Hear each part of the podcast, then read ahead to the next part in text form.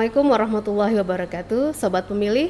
Kembali lagi bersama saya Lydia dalam podcast Pintar Pemilu, kolaborasi JDIH KPU Provinsi Sumatera Barat dan Baku Humas KPU Provinsi Sumatera Barat. Dalam kesempatan kali ini, alhamdulillah kita sudah kehadiran tamu yang istimewa dari KPU Republik Indonesia. Langsung saja kita sapa beliau berdua. Yang pertama ada Ibu Evi Novida Ginting. Beliau merupakan uh, Ketua Divisi Teknis Penyelenggaraan Pemilu. Assalamualaikum. Waalaikumsalam warahmatullahi wabarakatuh. Dan kemudian ada Bapak Arif Budiman. Beliau membidangi Divisi SDM, Organisasi, Pendidikan, Pelatihan, Penelitian, dan Pengembangan. Luar biasa banyak sekali ya Pak ya. Waalaikumsalam warahmatullahi wabarakatuh. Ini uh, kesempatan yang luar biasa bagi kami karena baru pertama ini kita berkesempatan untuk uh, podcast bersama Bu Evi dan Pak Arief meskipun sudah beberapa kali ke Sumbar ya Bu ya. Iya. Dan uh, tentunya kita lihat sekarang kesibukannya kayaknya belum melambat gitu. Belum. masih uh, iramanya masih masih tetap apa ya, masih tetap padat sekali kayaknya ini ya Bu ya. Dan untuk kalau kita boleh tahu agenda kali ini ke Sumbar berkaitan dengan apa? Dulu saya membayangkan kalau pemilu 2019 sudah selesai, pilkada yeah. 2020 sudah selesai, itu bisa kembali normal hidupnya gitu ya. Yeah. Ternyata enggak juga gitu. Masih sibuk aja. Um, ya, kali ini kita ke Sumbar uh, melaksanakan tugas sebagaimana perintah uh, dalam undang-undang yeah. untuk melakukan proses uh, pergantian antar waktu anggota KPU Provinsi Sumatera Barat. Sebagaimana kita tahu sebelumnya eh, anggota KPU Provinsi Mas Nova Indra eh, almarhum. Nah, kemudian kita melakukan eh, verifikasi dan klarifikasi ke peringkat berikutnya. Nah, karena kita sudah melakukan klarifikasi dan verifikasi uh, beberapa nama di peringkat berikutnya tidak bersedia atau tidak memenuhi syarat. Hmm, nah ini kita akan lakukan uh, verifikasi ke peringkat berikutnya lagi. Oke, dan itu sampai berapa? Uh, sampai total uh, kita kan ada 10 daftar nama ya. Yes. Lima orang sudah kita lantik, nah, kemudian nanti lima orang berikutnya itulah yang terdaftar sebagai calon pengganti antar waktu. Dan pernah kejadian nggak Pak, misalnya di antara yang lima berikutnya itu eh, nggak ada satupun yang uh, ada di beberapa provinsi bahkan uh, sampai ke lima nama berikutnya itu uh, sudah nggak ada yang semua. Ada yang karena faktor tidak memenuhi syarat ada yang karena faktor tidak bersedia. Ya terpaksa kita akan ikuti mekanisme berikutnya kita lakukan proses uh, verifikasi dan klarifikasi serta melakukan fit and proper untuk uh, daftar nama yang pernah mengikuti seleksi uh, di tahap uh, sebelumnya gitu. Sampai didapatkan sampai didapat, didapatkan ya? penggantinya. Dan itu uh, merupakan ini juga Pak ya, memang harus dilakukan mengingat kita juga mau melaksanakan pemilu 2024 tentunya ya, bagian dari apa penguatan kelembagaan ya. struktur organisasi kita kan sudah uh, membagi habis tugas itu kepada uh, lima orang anggota KPU kalau di provinsi Sumatera Barat ya. ya. Nah kalau berkurang satu maka ada pekerjaan-pekerjaan yang harus ditumpuk bebannya kepada anggota KPU yang ada. Nah ini uh, tentu akan menyebabkan beban kerja menjadi tidak seimbang. Eh, bisa berjalan uh, tidak maksimal gitu ya. Maka memenuhi uh, kehadiran seluruh anggota KPU berjumlah lima orang itu menjadi penting bagi kita. Dan itu uh, klarifikasinya akan dilakukan besok. Nah, besok pagi. Besok pagi ya. Besok pagi. Baik. Dan Bu Evi sendiri uh, gimana Bu dengan kesibukannya sekarang apalagi uh, yang berhubungan dengan teknis penyelenggaraan pemilu? Ya, uh, karena kita ini kan ke depan ya dalam waktu tidak kurang dari dua setengah tahun lagi ya kita akan mempersiapkan pemilihan uh, pemilu ya pemilu dan pemilihan ya tahun 2024 secara serentak. Nah ini tentu uh, KPU ya di tahun 2021 ini banyak melakukan kajian, evaluasi, kajian, kemudian mempersiapkan berbagai berbagai persiapan terutama terkait dengan persiapan verifikasi partai politik yang kemudian kita sudah mempersiapkan draft uh, peraturan KPU-nya kemudian juga bagaimana mempersiapkan sistem informasi yang akan mendukung uh, tugas-tugas KPU di dalam penyelenggaraan pemilu serentak 2024 nantinya dan uh, kemudian melakukan langkah-langkah seperti uh, penyederhanaan administrasi Nah itu yang kita coba kemudian eh, bagaimana meredesain kembali surat suara agar di dalam penyelenggaraan pemilu 2024 nanti ini bisa memudahkan pemilih dan juga memudahkan eh, penyelenggara pemilu di tingkat eh, bawah ya KPPS hmm. dalam penghitungan suara. Karena nanti eh, proses eh, pemilu 2024 dengan lima jenis surat suara ini akan mengulang pemilu 2019 yang lalu. Nah, kita tentu perlu belajar dari uh, pemilu 2019 sehingga harapan kita nanti penyelenggaraan pemilu 2024 akan menjadi jauh lebih uh, mudah dan uh, simple gitu ya, sehingga tidak kemudian akan menimbulkan petugas-petugas uh, kita itu kelelahan ya, ya. dengan beban kerja yang berat dan kemudian uh, apa yang kita persiapkan ini kita harapkan bisa lebih meringankan lah beban tugasnya para KPPS kita. Oke. Dan itu menarik sekali ya Bu penyederhanaan untuk desain surat suara ini. Dan sejauh ini eh, kira-kira sudah ada gambaran belum Bu seperti apa nantinya desain surat suara untuk pemilu 2024 itu? Ya uh, kita uh, sudah buat beberapa model ya sampai kepada mempersiapkan tiga model yang uh, tiga model ini dengan menggabungkan ya e, kelima jenis surat suara dan atau empat jenis surat suara yang kemudian tentu membawa konsekuensi ya perubahan desain kemudian juga uh, ini juga akan mem, mem, apa ya memperhatikan bagaimana pengaturan di dalam undang-undang kita supaya redesain surat suara ini kemudian juga memiliki payung hukum supaya tidak dipersoalkan gitu ya. Nah ini juga harus terpenuhi lah ya uh, apa yang kemudian diatur di dalam undang-undang. Nah, itu yang uh, sekarang ini sedang kita persiapkan dan uh, mudah-mudahan uh, beberapa nanti uh, simulasi yang kita akan lakukan ini bisa menemukan uh, apa namanya desain mana lah yang paling uh, tepat dan bisa kita gunakan dengan situasi di mana undang-undang ini tidak dirubah gitu. Nah, ini yang perlu uh, menjadi perhatian kita sehingga kebijakan-kebijakan yang kita buat itu jangan sampai kemudian menerobos aturan gitu ya sehingga semua masih bisa tetap uh, dipercaya dan punya uh, dasar hukum di dalam uh, penggunaannya. Mungkin uh, sobat pemilih pengen tahu ya Bu untuk desain apa sebuah surat suara itu apa aja yang hal-hal uh, substantif yang harus ada di dalam sebuah surat suara? Oh iya, surat suara ini harus melihat uh, sistem pemilu yang kita gunakan ya. Karena uh, sistem proporsional daftar calon terbuka yang kita persiapkan itu kan menginginkan bahwa pemilih itu bisa memilih langsung ya uh, calegnya, calon-calon uh, legislatifnya. Nah, ini konsekuensinya juga perlu di di apa ya, di dalam surat suara itu tercantum nama-nama uh, para caleg, para calon ya.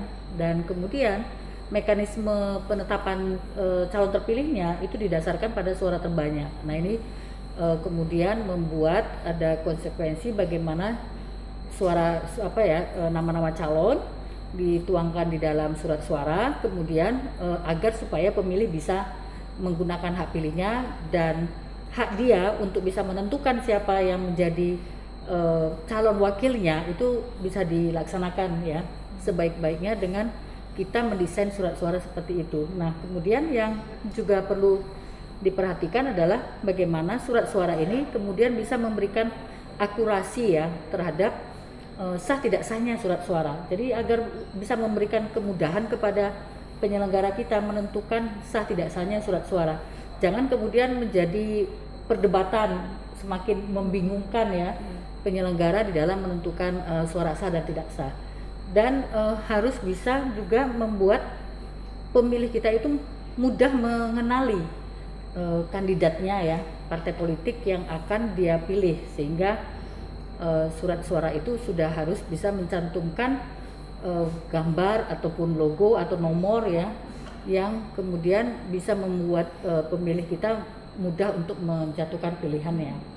Nah itu yang tentu yang perlu diperhatikan ya sistem pemilunya, kemudian eh, bagaimana kita juga ingin memperkuat sistem presidensial kita. Nah ini yang penggabungan karena pemilu serentak nanti kan akan menggabungkan eksekutif dan legislatif gitu ya. Itu yang tentu eh, perlu menjadi perhatian kita. Dan bagaimana juga undang-undang mengatur batasan-batasan ataupun eh, mengatur perintah bagaimana sebuah surat suara ini harus dipersiapkan oleh KPU.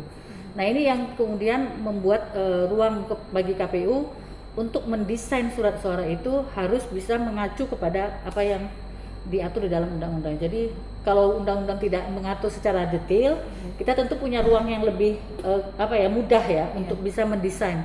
Tetapi kalau aturannya itu rigid ya kita harus bisa mengikuti aturan yang ada supaya semua uh, bisa terpenuhi di dalam desain kita. Dan sejauh ini gimana Bu dengan respon dari para ya mungkin pembuat kebijakan ya yang membuat undang-undang itu dengan uh, rencana KPU ini untuk Iya. Kita berharap ya ini bisa dijadikan uh, satu kebijakan yang nantinya akan digunakan oleh KPU ya. Karena kepentingan yang kita persiapkan ini adalah untuk memudahkan pemilih dan meringankan tugas uh, penyelenggara kita kita tentu berpikir bahwa uh, para pembuat undang-undang ya akan melihat kemanfaatan dari uh, penyederhanaan ini menjadi uh, satu hal yang saya pikir perlu di, dipertimbangkan untuk diterima dan menjadi satu uh, kesepakatan kita bersama. Karena pemilu 2024 ini harus bisa kita laksanakan ya, tetapi juga harus bisa belajar dari pemilu 2019 yang lalu sehingga penyelenggaraan pemilu ini kemudian tidak memakan korban ya. dan juga bisa mencapai tujuannya sebenarnya yaitu mendapatkan eh, pemimpin-pemimpin uh, yang uh, dalam hal ini uh, diberikan apa ya dipilih oleh pemilih ya melalui surat suara yang kita persiapkan. Artinya begini, uh, ketika pemilu 2019 ini kan banyak sekali surat suara tidak sah, gitu ya. Nah penyederhanaan ini tentu kita berharap e, bisa semakin memudahkan e, pemilih di dalam menggunakan hak pilihnya sehingga bisa mengurangi ya jumlah suara suara tidak sah yang e, terjadi pada pemilu 2019. Walaupun ini bukan satu-satunya cara untuk bisa e, menekan gitu ya, menekan e, turunnya e, jumlah surat suara tidak sah pada saat pemilu e, nantinya. Baik. Um, dan itu uh, kita lihat persiapan teknis dan ada banyak sekali mungkin persiapan-persiapan yang harus dilakukan oleh uh, KPU untuk pemilu 2024. Nah, mungkin kalau dari uh, Pak Arief dari sisi kesiapan SDM-nya KPU sendiri seperti apa, Pak? Baik itu apa mungkin uh, komisioner maupun uh, sekretariatnya Bapak menilainya seperti apa dan langkah-langkah apa saja yang sudah iya. disiapkan? Ya. Uh, sebetulnya kesiapan penyelenggara itu salah satunya aja ya. ya jadi um, stakeholder yang penting di dalam proses penyelenggaraan pemilu itu setidaknya tiga. Pertama penyelenggara, kedua peserta, yang ketiga pemilih. Kalau salah satunya nggak ada, pemilunya nggak ada, ya. gitu ya. Nah selain itu ada stakeholder pendukung, nanti aparat keamanan, TNI Polri, kemudian dukungan pemerintah, pemerintah pusat, pemerintah daerah, kemudian banyak uh, kementerian lembaga terkait. Nah, urusan KPU adalah kesiapan penyelenggara pemilu. Nah, khususnya kalau KPU karena KPU ini menjadi apa eh, leading sektor gitu ya di dalam proses penyelenggaraan pemilu, maka dia harus bisa menyiapkan uh, pasukannya dengan baik. Ya. Kalau kita berkaca pada pemilu 2019, KPU itu harus mempersiapkan pasukan sampai dengan tingkat TPS itu uh, dulu TPS-nya 800 ribuan ya, 813 ribu sekian. Setiap TPS uh, eh, setidaknya ada 7 KPPS karena ada 25 juga. Tapi 7 KPPS ini menjadi tugas kita untuk melatih. Kemudian ditambah perangkat uh, apa namanya uh, mulai KPU RI, KPU provinsi, KPU kabupaten kota itu jumlahnya kurang lebih sekitar 7 juta orang jadi bayangkan dalam perhelatan pemilu itu pasukan atau orang sumber daya manusia yang harus dilatih itu ada sekitar 7 juta orang. Nah, KPU tentu menyiapkan bagaimana melatih mereka di tiap jenjang. Ya. Misalnya SDM di tingkat pusat, bagaimana kita melatih mereka, membekali diri mereka, paham tentang aturan, e, melalui rakor, bintek dan segala macam. KPU provinsi, KPU kabupaten kota, termasuk melatih e, PPK, PPS dan KPPS nantinya. Untuk pemilu 2024 kita harus mempersiapkan strategi baru. Ya. Kenapa harus strategi baru? Karena pengalaman pilkada 2020 ada situasi baru di dalam proses penyelenggaraan pemilu itu, yaitu yang di dalam Perpu itu disebut adalah situasi bencana non alam. Dulu kan kita hanya mengatur bencana alam, jadi ada banjir, ada gempa bumi, ada bencana alam, gitu ya Nah, sekarang kita menghadapi situasi kemungkinan adanya bencana non alam. Jadi kalau dulu kita melatih orang, kita bertemu, lalu kita ajarkan dengan tulisan, dengan gerakan, dengan praktek. Nah, tapi bagaimana nanti pada saat kita melatih e, pasukan kita, tapi cara untuk bertemu langsungnya terbatas atau dibatasi. Nah, ini yang sekarang sedang kita e, rumuskan untuk uh, menyiapkan metode, cara, kemudian alat, termasuk ya uh, apa namanya uh, penggunaan teknologi informasi dalam proses penyiapan SDM-nya. Jadi nanti kalau mereka nggak ngerti bagaimana cara bertemu dalam uh, misalnya Zoom meeting, itu juga oh agak rumit kita agak harus melatih mereka. Jadi kita punya tantangan uh, tersendiri untuk itu. Nah, mudah-mudahan dua tahun setengah menuju jadwal penyelenggaraan pemilu yang kemarin kita usulkan tanggal eh, uh, 21 Februari 2024 dan 27 November ya, 2024 untuk pemilihan kepala daerahnya uh, kita uh, mudah-mudahan bisa uh, apa namanya mempersiapkan ini dengan baik dan banyak orang mau dan bersedia menjadi penyelenggara pemilu. Karena tantangannya ini nggak mudah. E, dulu waktu pilkada 2020 banyak orang juga takut. Oh nanti jangan-jangan ini virus menyebar ke tempat kita dari kita.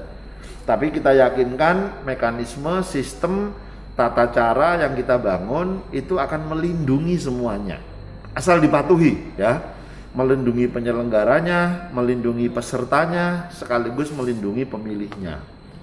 Nah, kalau semua mematuhi tata cara itu, maka tidak ada yang perlu ditakutkan karena potensi terjadinya penyebaran bencana non alam ini ya atau penyebaran uh, pandemi virus COVID-19 bisa kita uh, minimalisir. Tentu kita berharap sebelum 2024 pandeminya sudah selesai. Tapi andekan itu masih ada, KPU sudah punya perangkat atau regulasi untuk menata itu. Nah, kesiapan SDM tentu harus dibarengi dengan kesiapan yang lain. Pertama, kalau kita mau mengukur kesiapan pemilu 2024 adalah regulasinya. Karena tanpa ada regulasi nggak bisa kita jalankan. Nah, regulasi ini Sebagian ada yang sudah disiapkan, sebagian masih ongoing proses untuk proses penyelesaiannya. Yang kedua, anggarannya. Ada regulasinya, ada orangnya, tapi nggak ada anggarannya, nggak bisa jalan. Nah, itu anggarannya ini. Nah, barulah yang ketiga ini orangnya.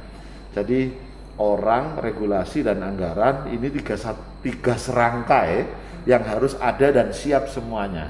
Salah satu tidak ada, maka ini menjadi uh, tantangan dan ancaman untuk kesuksesan pemilu 2024 gitu.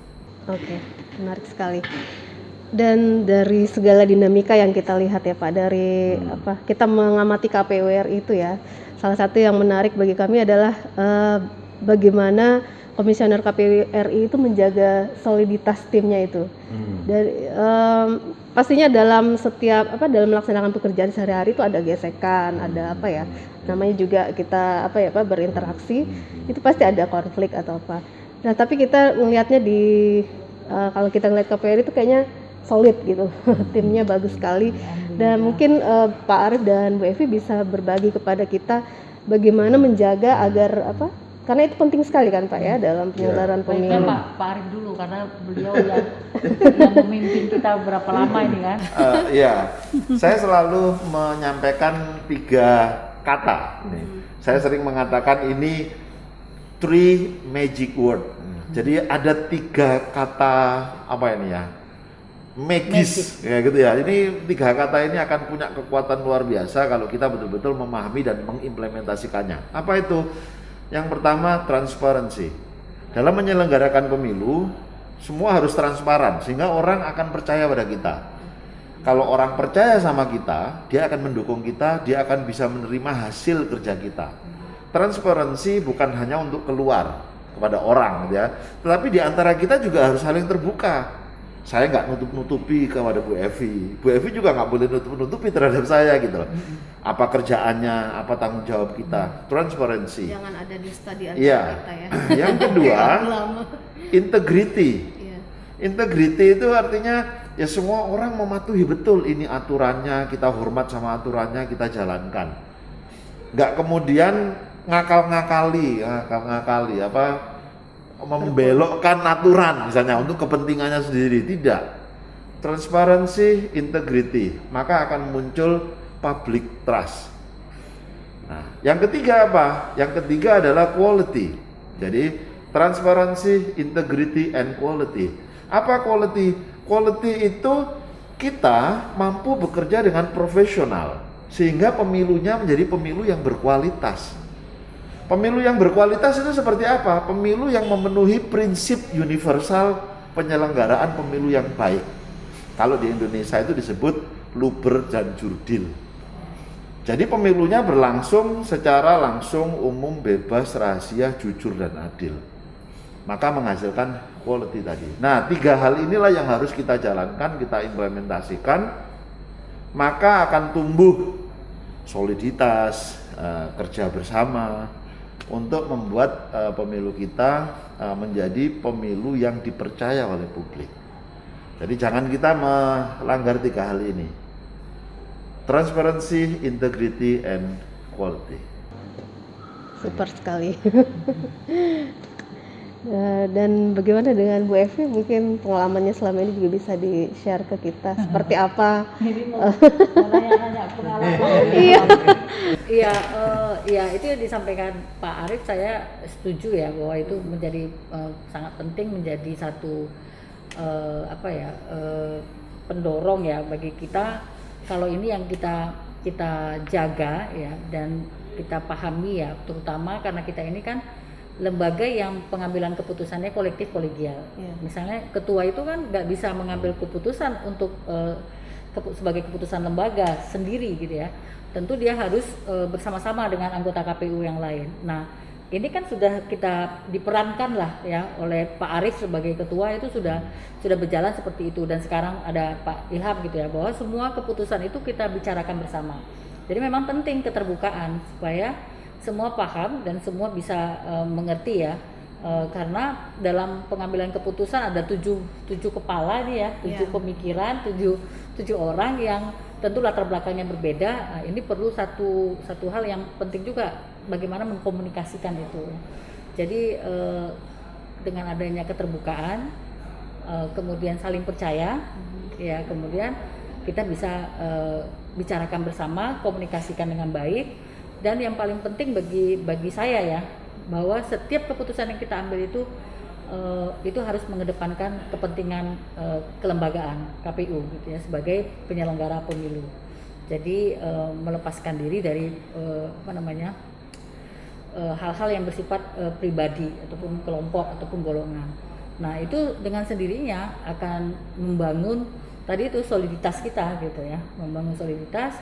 Jadi setiap kali eh, ada keputusan yang kita ambil, semua tahu resikonya, semua eh, siap menghadapi. Ya, kemudian ya sama-sama kita kita bisa bisa eh, hadapi tantangan maupun tekanan-tekanan eh, ya sehingga alhamdulillah sampai sekarang kita masih masih tetap solid gitu ya untuk menjalankan tugas-tugas ini. Dan itu dan itu tidak mudah ya. Ya, badainya, ombaknya, waduh, gelombangnya Iya. ini oh, Kan di begitu atas besar. makin Ya. kencang ini ya. Dan eh, saya bersyukur dan berterima kasih teman-teman mampu menjaga eh, soliditas itu. Ya. Kita yakin kalau apa soliditas ini tetap terjaga, KPU Iya. pasti siap sekali untuk eh, pemilu 2024 ya Pak. Ya, setiap individu itu kan ada gaya berbeda. Ya. Eh, tapi di cara menyatukannya itu ya ketua itu yang me- me- ini ya menyatukan semuanya. Sehingga yang tadinya ada perbedaan jadi tidak ada perbedaan. Jadi satu gitu ya. Nah, itu penting peran dari eh, ketua itu besar gitu. Leadershipnya ya. ya untuk eh, untuk apa ya? Untuk eh, mengajak kita semua eh, punya satu pemikiran yang sama pada akhirnya dari yang perbedaan yang ada. Itu itu keahlian beliau keahlian ketua-ketua itu Baik, eh, mungkin untuk menutup podcast kita dalam kesempatan ini, mungkin Pak Arief eh, ada yang ingin disampaikan, mungkin harapannya eh, Oh, untuk iya. ke depan seperti apa?